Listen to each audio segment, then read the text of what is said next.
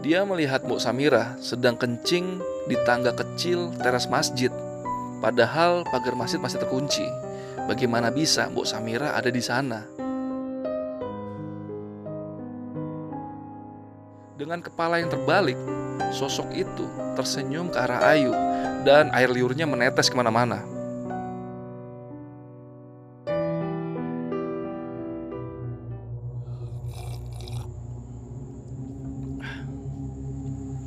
Assalamualaikum warahmatullahi wabarakatuh. Selamat malam teman-teman.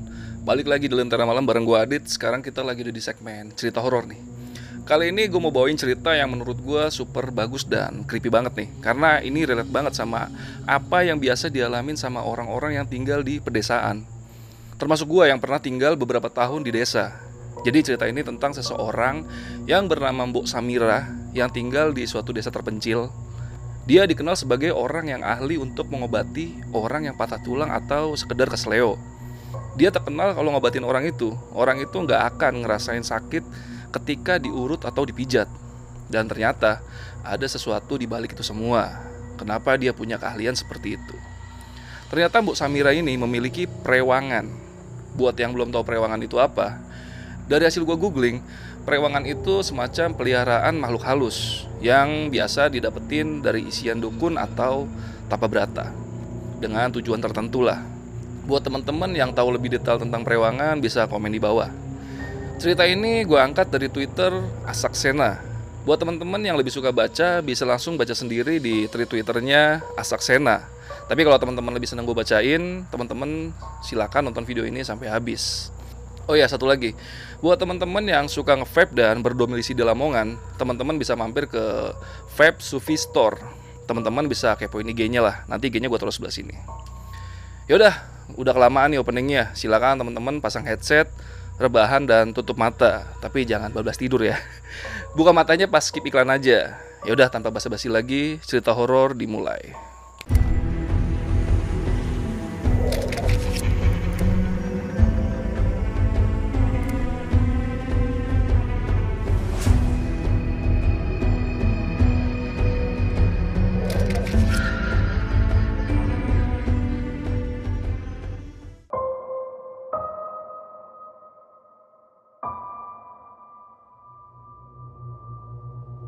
Dalam cerita ini nama tokohnya gue samarin ya, namanya Ayu.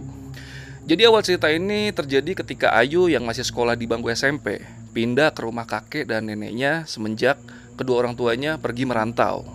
Bos Samira ini adalah seorang tukang pijat di desa tempat Ayu dan kakek neneknya tinggal. Umurnya bisa dibilang sepuh. Tempat tinggalnya hanya berjarak 9 rumah dari rumah kakek nenek Ayu. Dan tepat di samping rumahnya terdapat aliran sungai yang lumayan besar ada keanehan yang sering terjadi ketika Mbok Samira ini menangani pasien-pasien yang masih anak-anak. Mbok Samira selalu menciumi wajah anak kecil tersebut. Awalnya Ayu merasa itu hal yang wajar sebagai rasa sayang Mbok Samira kepada anak-anak itu. Sampai suatu hari, Ayu yang lagi main sama teman sebayanya, di suatu momen, tangan Ayu ini terkilir sampai kedua tangannya nggak bisa digerakin lagi. Singkat cerita, nenek Ayu membawa Ayu ke rumah Mbok Samira nih untuk diurut.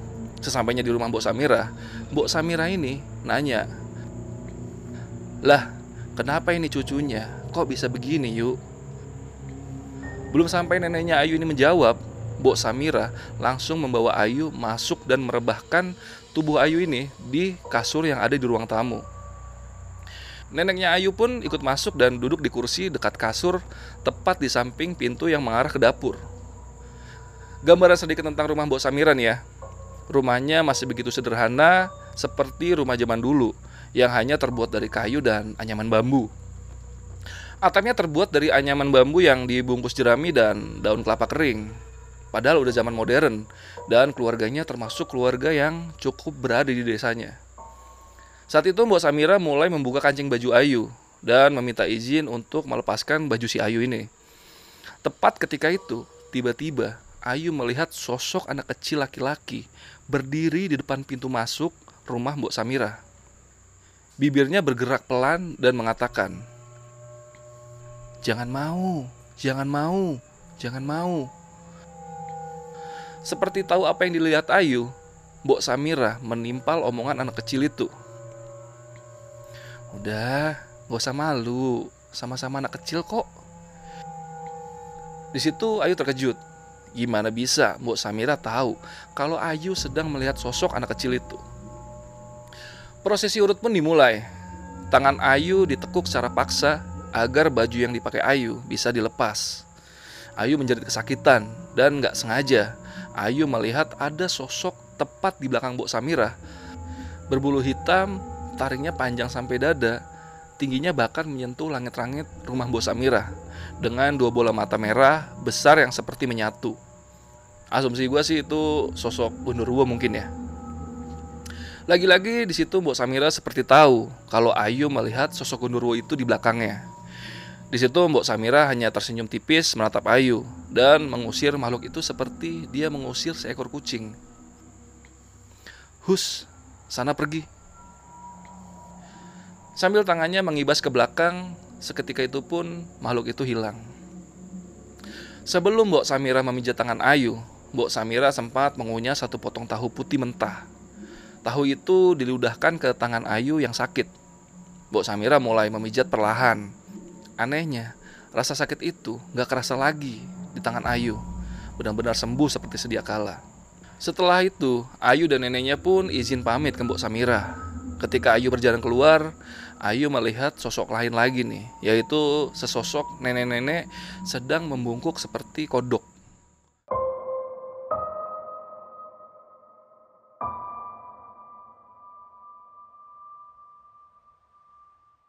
Ketika Ayu melihatnya, kepalanya bergerak patah-patah sampai Ayu bisa mendengar gemertak tulangnya.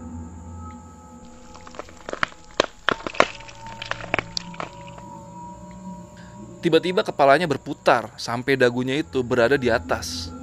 Dengan kepala yang terbalik, sosok itu tersenyum ke arah Ayu dan air liurnya menetes ke mana-mana. Nenek Ayu tahu jika Ayu sedang memperhatikan sosok lain. Terus tangan nenek Ayu itu mengusap kedua mata Ayu dan segera mengajak Ayu pulang.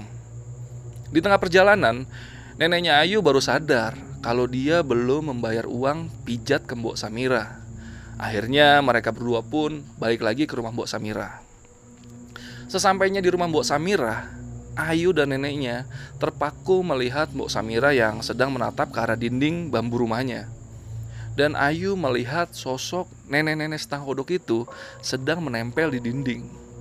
Kemudian Mbok Samira mengendus-endus tempat tadi Ayu berbaring saat dipijat. Tiba-tiba Mbok Samira bilang, "Ada apa? Kok balik?" Ini aku lupa bayar pijat, Mbok. Maklum udah tua. Alah, ya udah. Biar anak cantik itu aja yang ngasih duitnya. Biar dia nggak takut sama aku. Ayu pun disuruh neneknya untuk membayarkan langsung ke Mbok Samira. Saat Ayu memberi uangnya, tiba-tiba Mbok Samira menarik Ayu dan mencium pipi Ayu dengan sisa-sisa tahu yang masih menempel di bibirnya sambil bilang, Gemes aku Cahayu. Saat Ayu mau pulang, Ayu melihat anak kecil yang tadi ada di depan rumah Mbok Samira sekarang sedang berdiri di sebelah pintu. Namun aneh, sekarang dia menangis dengan tatapan iba. Entah apa alasannya, sampai sosok itu pun menangis. Ayu memang sejak kecil bisa melihat hal-hal yang jarang bisa dilihat oleh orang kebanyakan. Bahkan dulu, Ayu saat masih di bangku taman kanak-kanak, Ayu tidak bisa membedakan mana manusia, mana golongan jin, saking miripnya dan banyaknya. Tapi dari sekian banyak makhluk, golongan jin yang Ayu lihat, gak ada sosok yang lebih menyeramkan dari kedua sosok di rumah Mbok Samira tadi. Wajah kedua sosok itu terus mengantui pikiran Ayu selama berhari-hari. Hingga pada suatu hari, hal besar mulai menimpa Mbok Samira.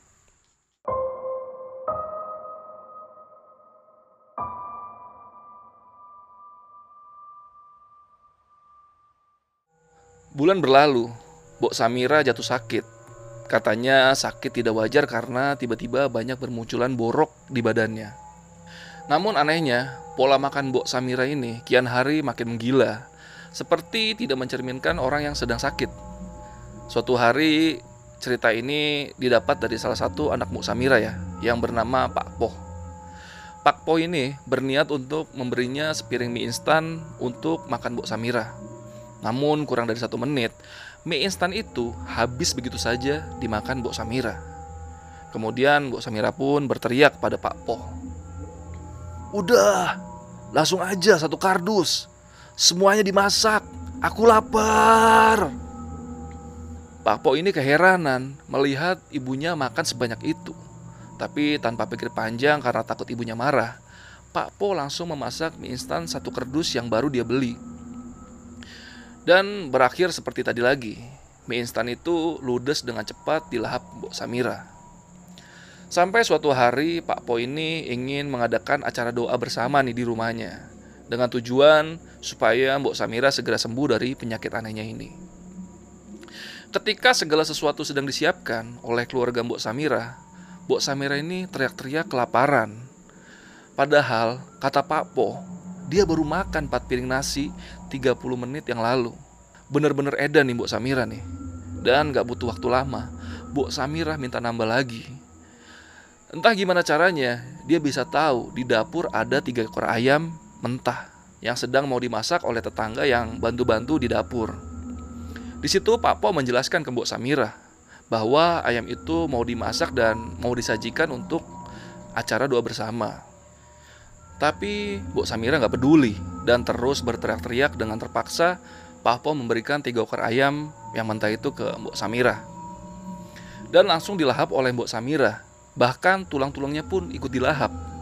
Di situ semua tetangga mulai keheranan melihat tingkah laku Mbok Samira yang seperti hewan buas. Ayu sendiri pun hampir tiap malam sering mendengar suara teriakan Mbok Samira minta makan. Padahal rumahnya berjarak 9 rumah dari Mbok Samira. Tapi suara teriakan Mbok Samira itu sangat terdengar jelas. Akhirnya tetangga-tetangga berinisiatif untuk membantu Pak Po dengan cara sering memberi makan Mbok Samira supaya Mbok Samira tidak teriak-teriak lagi. Namun tetap saja nih, setiap malam Mbok Samira masih aja kerap mengumpat tertawa, berteriak, dan menangis tanpa sebab. Bahkan saat ada anak kecil yang lewat di depan rumahnya, Bu Samira ini bisa mengetahuinya. Dia pasti akan berteriak dari dalam rumahnya, menyapa anak kecil itu. Mau ke mana anak cantik? Sini main dulu. Mendengar hal itu, anak-anak kecil yang lewat di depannya pasti lari ketakutan. Sebab saat Mbok Samirah menyapa mereka dari dalam rumahnya nih, pasti akan diringi suara ketawa terbahak-bahak. Ayu pun mengalami hal itu sendiri saat dia lewat di depan rumah Mbok Samira.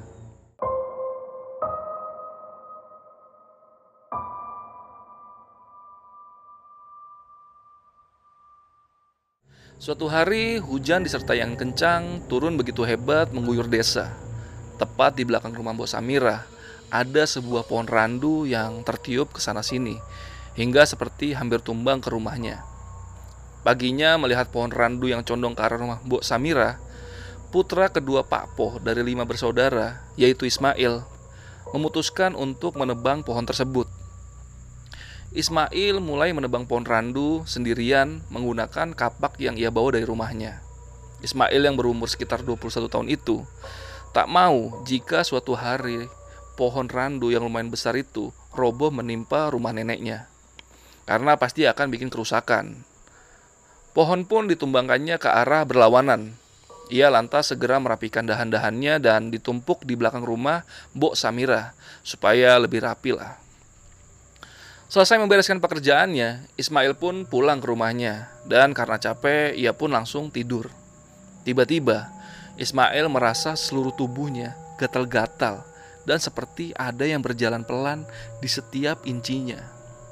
Betapa kaget saat Ismail membuka matanya, ia melihat di sekujur tubuhnya ada ratusan bahkan ribuan ulat bulu hitam, sebesar jari jempol orang dewasa. Ismail berteriak ngeri di situ. Mendengar hal itu, Ibu Po langsung menghampirinya dan bertanya, "Kenapa, Le?" Belum selesai ibunya bertanya, ia begitu kaget, matanya terbelalak melihat ada banyak sekali ulat menutupi tubuh Ismail. Ibu Po menjerit dan menangis melihat anaknya meraung dan berguling-guling sana-sini sambil mencakari tubuhnya. Pak Po yang melihat anaknya dikerumuni ulat langsung berinisiatif menghilangkan ulat-ulat itu menggunakan sapu lidi. Ulat demi ulat ia buang keluar rumah dan dibakarnya ulat-ulat itu. Sementara Bupo menenangkan anaknya yang masih berteriak histeris dan membantu menggaruk-garuk tubuh Ismail sambil menangis. Tiba-tiba Ismail berdiri dan lari ke dapur. Dia mengambil sebilah pisau, kemudian menggoreskan pisau itu ke seluruh bagian tubuhnya yang gatal-gatal. Bahkan, dia tidak merasakan sakit dan perih akibat sayatan pisaunya. Mungkin karena rasa gatal yang begitu luar biasa. Darah segar mengucur dari tiap bagian tubuh bekas sayatan pisaunya. Sementara itu, Ibu Po semakin menangis dan bingung harus berbuat apa. Selesai membuang dan membakar semua ulat tadi, Pak Po langsung memanggil Mbah Jali untuk meminta tolong membantu menyembuhkan anaknya. Karena ia yakin apa yang terjadi sama anaknya berhubungan dengan pohon yang ada di belakang rumah ibunya, yaitu rumah Mbok Samira. Sebab tak mungkin rasanya, tiba-tiba ada banyak sekali ulat tahun mengerayangi tubuh Ismail Apalagi ulat tahun ialah bukan ulat sembarangan. Rasa gatal yang disebabkan oleh ulat ini berkali-kali lipat dari biasanya.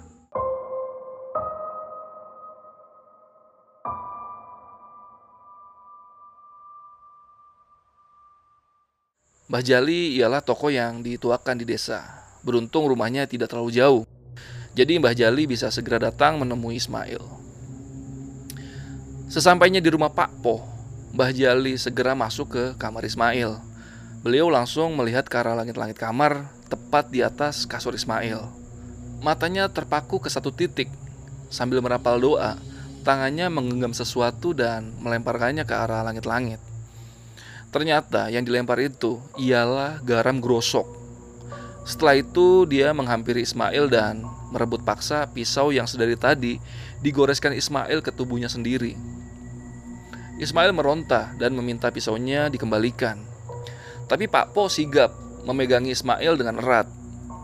Mbah Jali lalu memegang kepala Ismail dan menuntunnya ke kamar.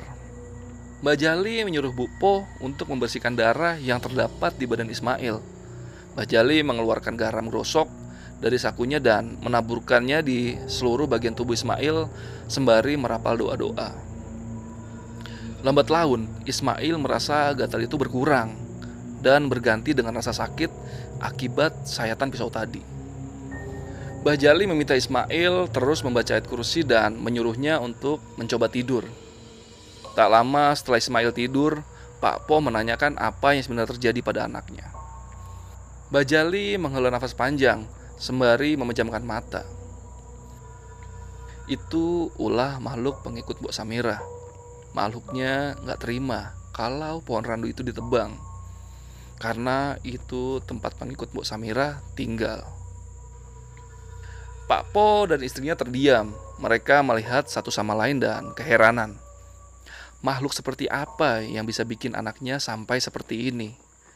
Seolah paham dengan kebingungan pasangan suami istri itu, Mbah Jali menyarankan mereka memanggil orang pintar untuk mencoba membersihkan perewangan yang ada di rumah maupun di dalam tubuh Mbok Samira.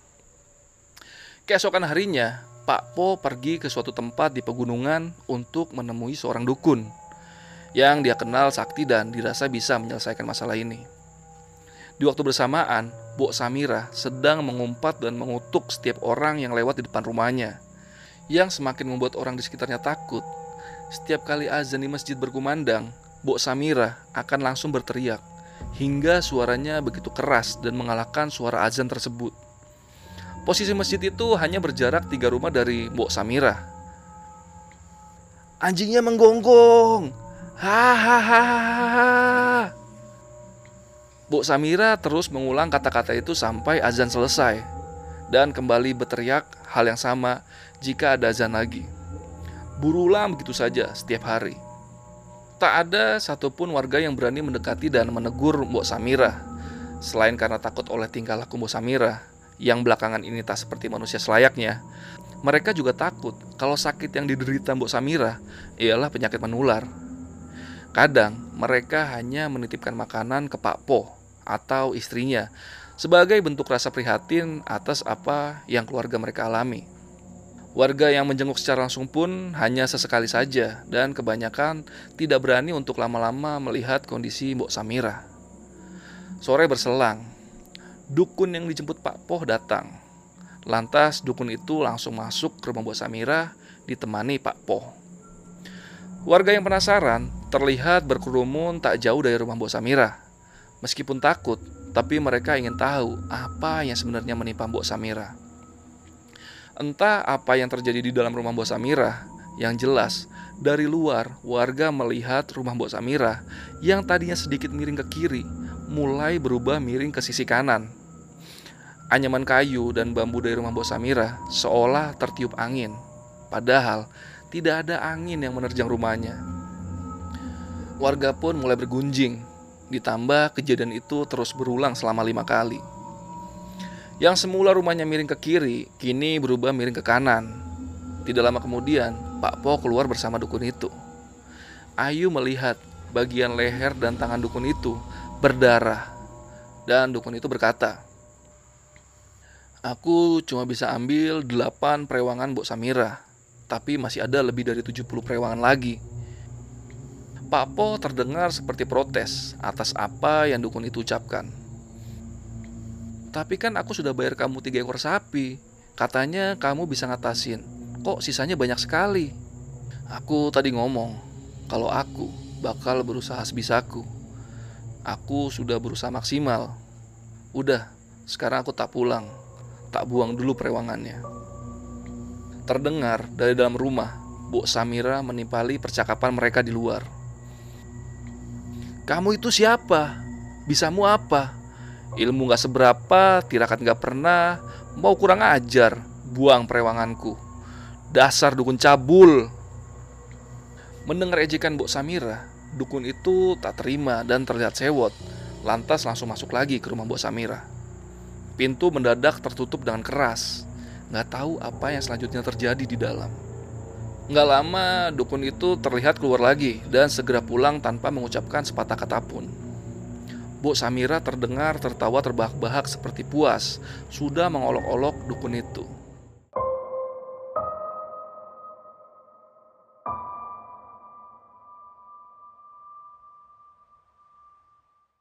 Hari berganti. Seperti biasa, Pak Po pergi ke sawah.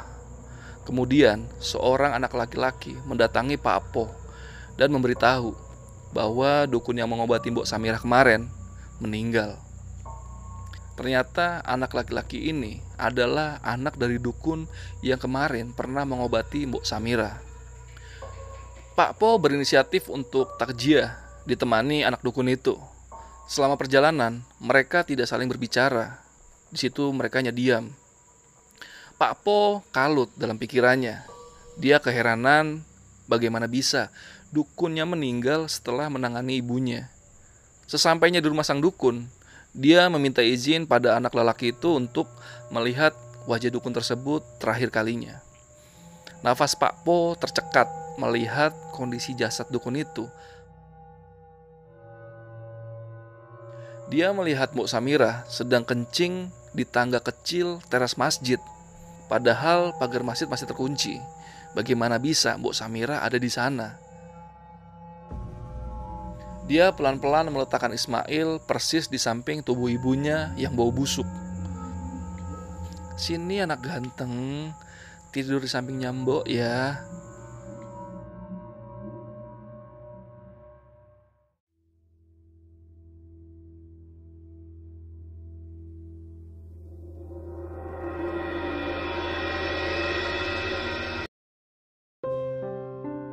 Dia melihat Mbok Samira sedang kencing di tangga kecil teras masjid. Bahwa besar kemungkinan semasa mudanya Mbok Samira ini melakukan tapa berata.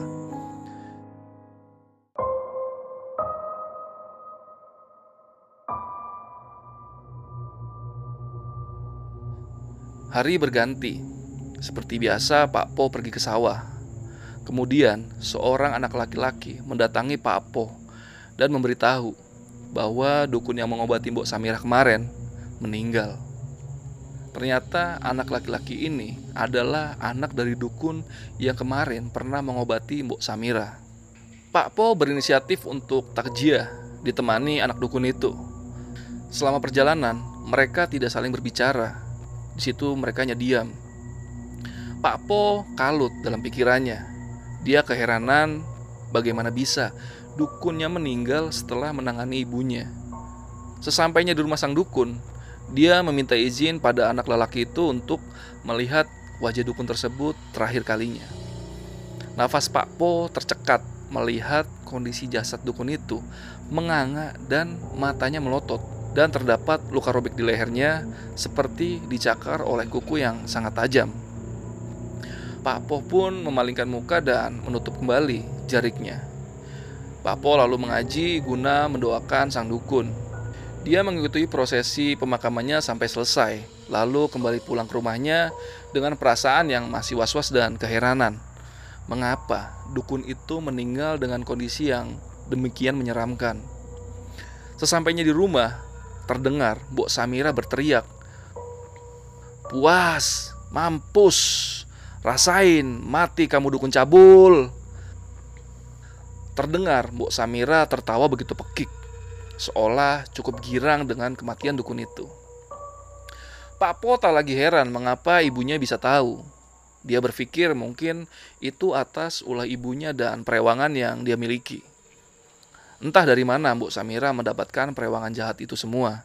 Yang jelas, warga di desa Ayu tidak ada yang tahu, termasuk keluarga Mbok Samira sekalipun.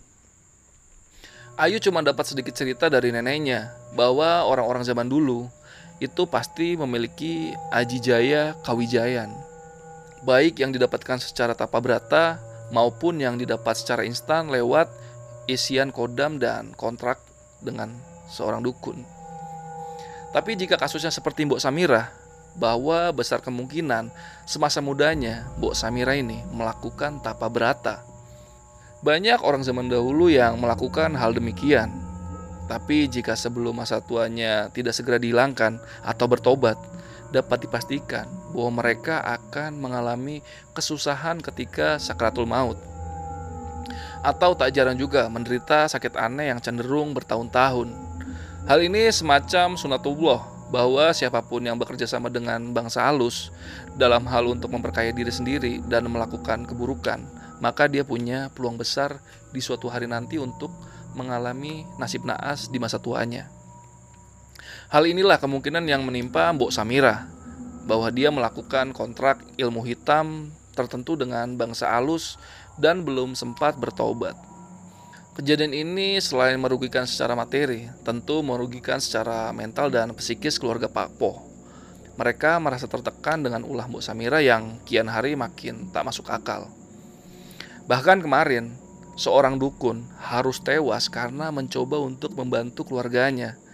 Pak Po juga tidak enak hati sama warga yang kerap memberikan makan buat Mbok Samira.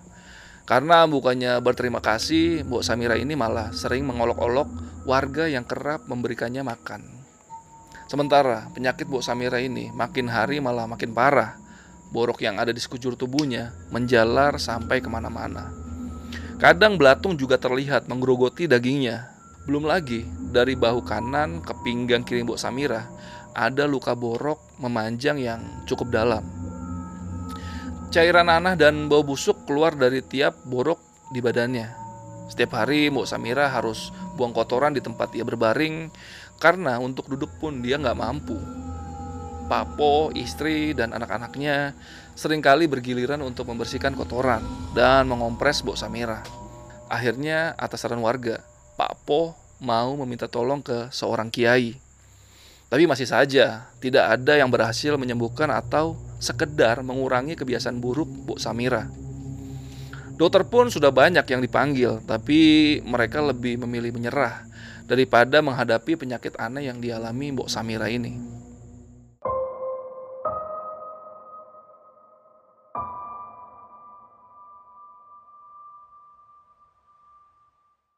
Bulan ke tahun, Mbok Samira makin menjadi-jadi.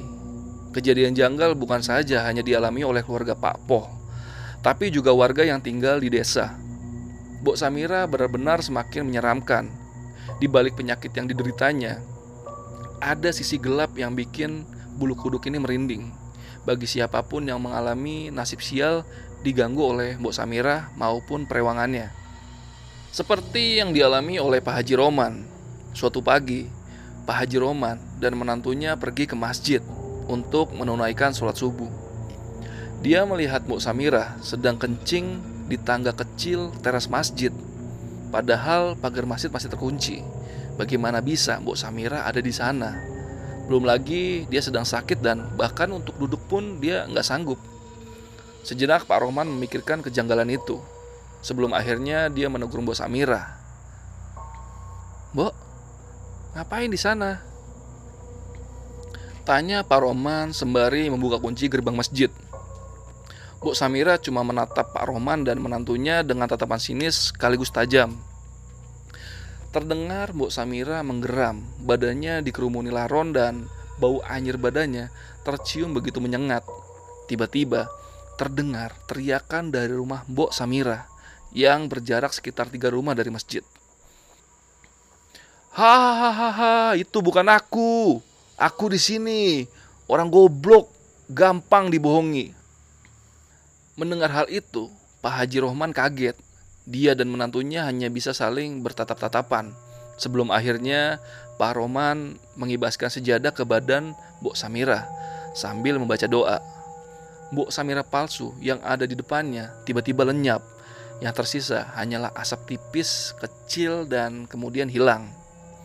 Mbok Samira terdengar tertawa terbahak-bahak lagi dari dalam rumahnya. Tertawa terbahak-bahak begitu puas.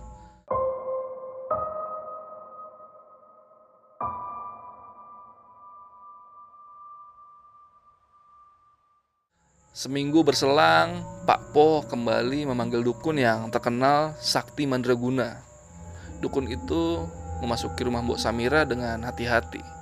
Sebab dia tahu orang-orang yang sebelumnya menangani Mbok Samira jatuh sakit dan bahkan meninggal dunia. Di dalam rumahnya, mereka hanya saling bertatap mata tajam. Tak ada percakapan sama sekali di situ. Hanya terlihat Mbok Samira yang sesekali tersenyum sinis, seperti meremehkan kemampuan dukun ini yang sedari awal komat kamit menerawang jauh ke dalam kehidupan Mbok Samira. Lama berselang, tiba-tiba dukun itu mengajak Pak Poh dan Ismail ke suatu tempat. Dukun itu mengajak mereka berdua ke suatu sumur yang terdapat di ladang. Bagi warga, sumur ini biasanya digunakan untuk mengairi sawah. Tapi beda untuk Mbok Samira. Sumur ini biasa dipakai Mbok Samira untuk ritual pemujaan demi Aji Jaya Kawijayan. Sesampainya di sumur, dukun itu lantas duduk bersila. Dia menancapkan keris yang terlihat sudah cukup tua dengan gagang berukir kepala naga. Di depannya terdapat sesaji dan bakaran kemenyan yang Pak Poh bawa atas arahan dukun tersebut. Malah makin larut, bau kemenyan begitu menyengat tercium. Suara jangkrik dan lolongan anjing entah dari mana asalnya seolah saling bersautan. Pak Poh dan Ismail hanya saling memandang, duduk di belakang dukun itu tanpa tahu harus melakukan apa. Tiba-tiba dukun itu berkata, "Ismail, lihat ke dalam sumur." Ismail menoleh ke bapaknya. Pak Po lantas mengangguk tanda mempersilahkan. Perasaan yang campur aduk dan sedikit keraguan terlihat dari mimik wajah Ismail. Dia berjalan pelan sampai kemudian wajahnya tepat berada di atas mulut sumur. Pak, anda mau Samira? Ucap Ismail. Mata Ismail terbelalak dan terlihat begitu kaget dengan apa yang dia lihat di dalam sumur. Bu Samira duduk, tangan sama kakinya kayak kodok. Terus lehernya dirantai. Di rantainya ada paku-paku yang menancap di lehernya. Di situ Ismail melihat ada sosok mbah-mbah setengah kodok yang memegang rantai itu. Bu Samira di situ sedang makan kotoran dari sosok mbak-mbak setengah kodok itu. Bu Samira kayaknya dijadikan budak. Di situ Bu Samira meminta tolong ke Ismail.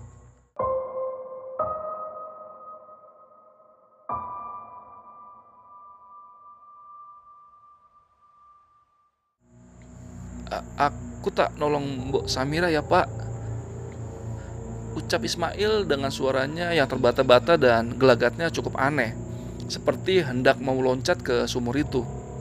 Beruntung Mbah Dukun dan Pak Po langsung memegang tubuh Ismail. Jika telat persekian detik saja, mungkin Ismail sudah terjun ke dalam sumur. Ismail berteriak histeris dan berusaha melepaskan diri supaya bisa masuk ke sumur itu.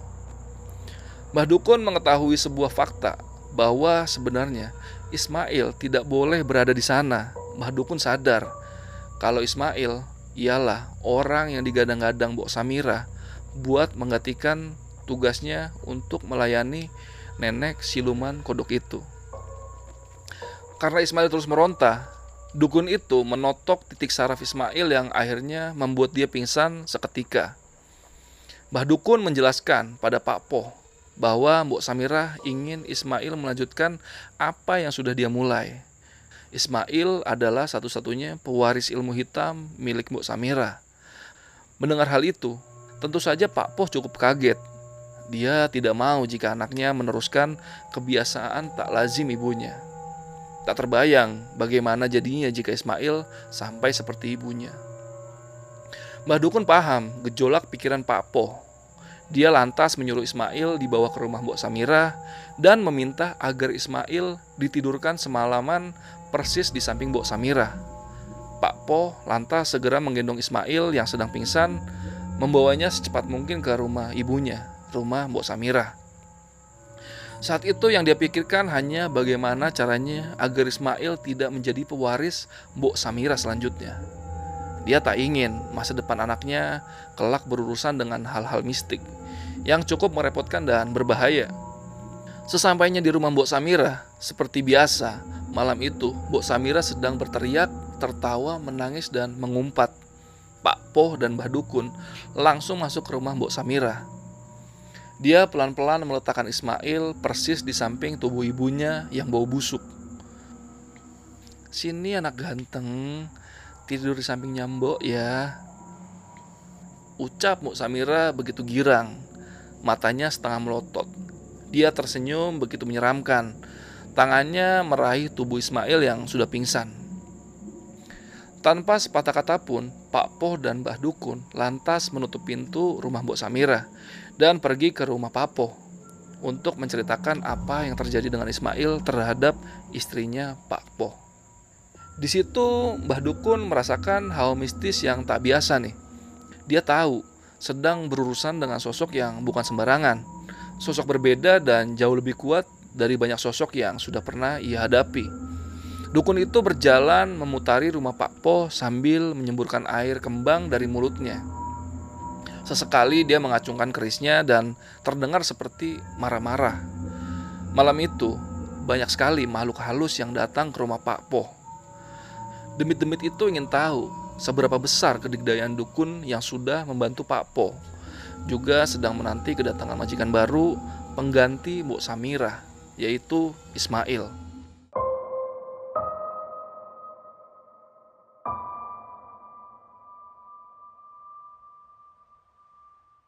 Memang, dalam hal ilmu hitam, biasanya si pemilik ilmu akan mewariskan apa yang sudah dia pelajari terhadap keturunannya. Selain karena kontrak, juga sebagai upaya untuk mengurangi bebannya kelak di hadapan perewangan yang sudah membantunya semasa dia hidup. Malam itu Ismail terbangun.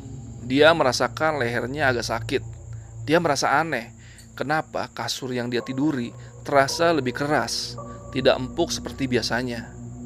Ketika itu Ismail melihat ada samar-samar seseorang di depannya. Dia membuka matanya pelan-pelan seseorang di depannya makin terlihat jelas. Ismail sadar ternyata seseorang yang di hadapannya adalah Mbok Samira.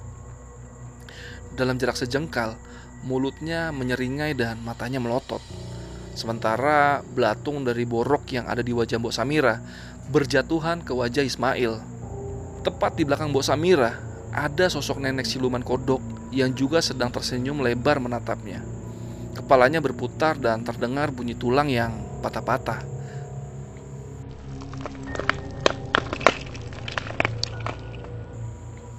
Air liurnya menetes kental ke tubuh Mbok Samira. Ismail di situ tercengah. Dia tidak percaya dengan apa yang sedang dia lihat. Tubuhnya lemas, badannya menggigil kedinginan, keringat bercucuran seketika membasahi badannya. Di saat bersamaan, Ismail merasakan mual karena bau busuk dan belatung yang terus berjatuhan ke wajahnya. Ismail memejamkan mata dan mengumpulkan sisa-sisa tenaga yang tersisa. Tangannya kuat-kuat mendorong tubuh Mbok Samira sampai Mbok Samira terjungkal ke bawah kasurnya. Tak peduli dengan itu, Ismail segera membuka pintu rumah neneknya dan lari tunggang langgang menuju rumahnya sambil menangis histeris. Sementara dari rumah neneknya terdengar jelas bagaimana Mbok Samira tertawa cekikikan. Ismail tiba di rumahnya, wajahnya begitu lusuh dan penuh ketakutan. Pak Po, istrinya, dan Mbah Dukun langsung memapa Ismail duduk lalu memberinya air putih supaya lebih tenang. Setelah dirasa cukup tenang, Ismail protes kenapa tiba-tiba dia ditidurkan di samping Mbok Samira. Mbah Dukun menjelaskan kepada Ismail dan kedua orang tuanya bahwa sebenarnya Mbok Samira sudah meninggal dunia, tetapi dia terikat perjanjian gelap dengan siluman kodok yang membuat ruhnya harus mengabdi pada siluman itu untuk selama-lamanya. Sementara Mbok Samira yang berada di rumahnya sejatinya bukanlah Mbok Samira yang asli, Raganya sudah diisi oleh banyak makhluk halus yang dahulu terikat kontrak dengannya. Semua ini disebabkan oleh Mbok Samira yang ingin hidup abadi. Salah satu ritual Mbok Samira ketika hidup ialah mencium anak-anak kecil. Bagi orang awam mungkin itu hal yang lumrah, tapi kata Mbak Dukun, saat Mbok Samira mencium anak-anak kecil itu, di situlah dia mengambil yoni-yoni anak kecil itu sebagai tata cara supaya dia bisa hidup abadi. Mbah Dukun menjelaskan alasan kenapa Ismail ditidurkan di samping sosok Mbok Samira. Semata-mata hanya agar Ismail tidak jadi pewaris ilmu hitam neneknya. Sayangnya, sebelum pagi menjelang, dia terbangun dan lari meninggalkan Mbok Samira. Inilah awal dari teror perewangan Mbok Samira terhadap Ismail semakin parah. Oke, itu tadi cerita dari Mbok Samira atau judulnya itu Perewangan Mbok Samira yang ditulis di Twitter oleh @asaksena. Itu semua yang tadi gue ceritain itu masih bagian pertama. Ada lagi bagian keduanya. Nah, buat teman-teman kalau mau gue ceritain lanjutannya, teman-teman boleh komen di bawah. Nanti kalau komennya lumayan banyak, baru gue terusin lagi buat cerita tentang Perewangan Mbok Samira ini yang berikutnya. Yaudah setelah ini kita masuk ke pembahasan ya. Oke, jangan di close dulu. Kita masuk ke pembahasan dulu ya.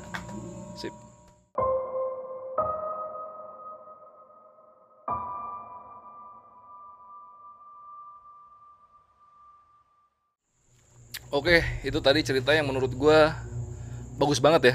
Karena cerita itu lumayan relate lah dari kehidupan masyarakat di Indonesia.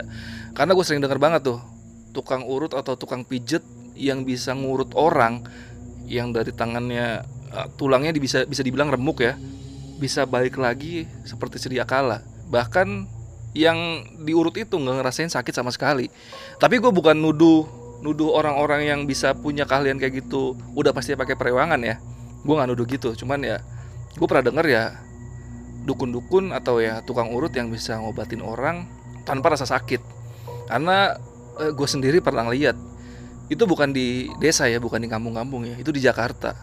Tapi gue nggak bisa nyebutin nama tempat pengobatannya sih cuman mungkin kalau kalian tinggal di Tanjung Priuk atau di Jakarta Utara kalian bakal tahu gue sendiri ngelihat dengan mata kepala gue anak kecil tangannya patah diurut sama orang itu. Itu adem ayam aja nggak nangis nangis jadi yang gue tahu setelah gue ngeliat itu gue ngobrol-ngobrol sama uh, tukang urutnya. Dia bilang dia emang punya keahlian kayak gitu tapi cuman bisa diterapin ke anak kecil. Kalau buat orang gede dia orang dewasa dia nggak bisa jadi kalau orang dewasa tetap aja ngerasain sakit. Itu gue datang ke situ waktu itu pas kaki gue lagi keseleo karena main bola dan kaki gue keseleo di situ. Karena ya lu lihat aja berat badan gue kan sebesar ini. Jadi kalau main bola udah pasti gampang keseleo ya pokoknya itu emang ada lah nyata lah. Mungkin teman-teman bisa komen di bawah lah. Di daerahnya pasti ada ya dukun-dukun atau tukang tukang urut tukang urut yang punya keahlian seperti itu. Seperti yang dimiliki oleh Mbok Samira. Tapi gue nggak nggak nuduh ya setiap dukun atau tukang urut itu punya perewangan seperti yang dimiliki Mbok Samira. Yang dimiliki Mbok Samira ini terlihat seperti uh, ekstrim banget lah pokoknya. Gila sampai 70 lebih perewangan yang dia milikin.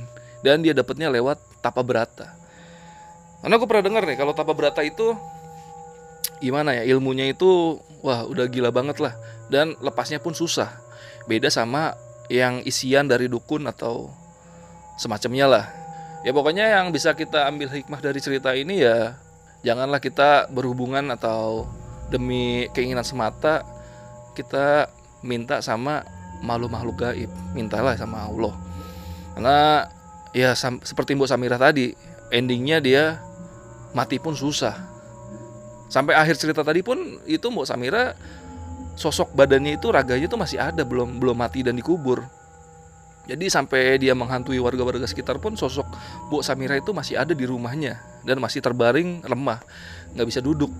Padahal kalau malam-malam sosoknya itu sering menghantui warga-warga seperti yang tadi yang paling parah dari cerita itu itu pas lagi Mbok Samira ngencingin masjid sih. Wah itu udah gila banget lah se sosok hantu yang nggak punya sopan santun dan bejat banget lah ngencengin ngencingin tempat ibadah masjid nah buat teman-teman kalau punya cerita-cerita yang mirip-mirip kayak gini bolehlah komen-komen di bawah atau kirim ke Lentera Malam biar nanti gua atau Jamal bisa bawain ceritanya kayak cerita Mbok Samira ini. Nah, karena kemarin kan dari video-video sebelum-sebelumnya tuh banyak yang sering komen di segmen cerita horor ini ya. Eh, banyak yang komen, "Bang, mendingan pakai narasumber lah. Kalau pakai cerita gini kurang resep lah atau gimana." Ya gue sih pengen selalu pakai narasumber, cuman kan gue sama Jamal itu bikin segmen cerita horor ini buat mengakomodir cerita-cerita yang nggak bisa kita datangin narasumbernya dan itu juga salah satu cara gue sama Jamal biar lentara malam ini ceritanya nggak monoton karena buat cerita-cerita yang sensitif kayak gini agak susah ngundangnya. Paling gampang sih emang kalau yang cerita-cerita gunung masih agak gampang lah ngundang narasumbernya. Tapi buat cerita-cerita yang seperti ini, ini susah banget. Entah dia yang nggak mau jadi narasumber atau lokasinya dia domisilinya jauh banget dan kadang-kadang mereka emang ya nggak mau cerita aja pengen ngirim ceritanya buat dikirim ke kita gitu ya jadi kalau teman-teman lebih suka yang ada narasumbernya ya nontonnya segmen saksi misteri aja. Segmen cerita horor ini ya khusus buat cerita-cerita horor yang gue atau Jamal bawain. Jadi kalau teman-teman punya cerita bolehlah kirim-kirim ke Lentera Malam. Siapa tahu nanti kalau ceritanya kita seleksi bagus, nanti bakal dibawain sama gue atau Jamal. Uh, apalagi ya?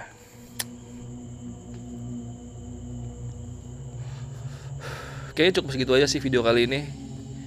Uh, lebih kurangnya gue minta maaf kalau ada kesalahan. Dan gue ingetin sekali lagi buat teman-teman yang mau kirim ceritanya bisa kirim ceritanya lewat email lentara malam at lentara malam 13 at gmail.com atau DM lewat Instagram lentara malam.id. Nanti diarahin sama admin gue di situ gimana caranya supaya kalau kalian mau jadi narasumber atau mau ngirim cerita buat dibawain oleh gue atau Jamal. Yaudah paling video kali ini cukup segitu aja. Terima kasih. Gue Adit dari Lentera Malam. Bye.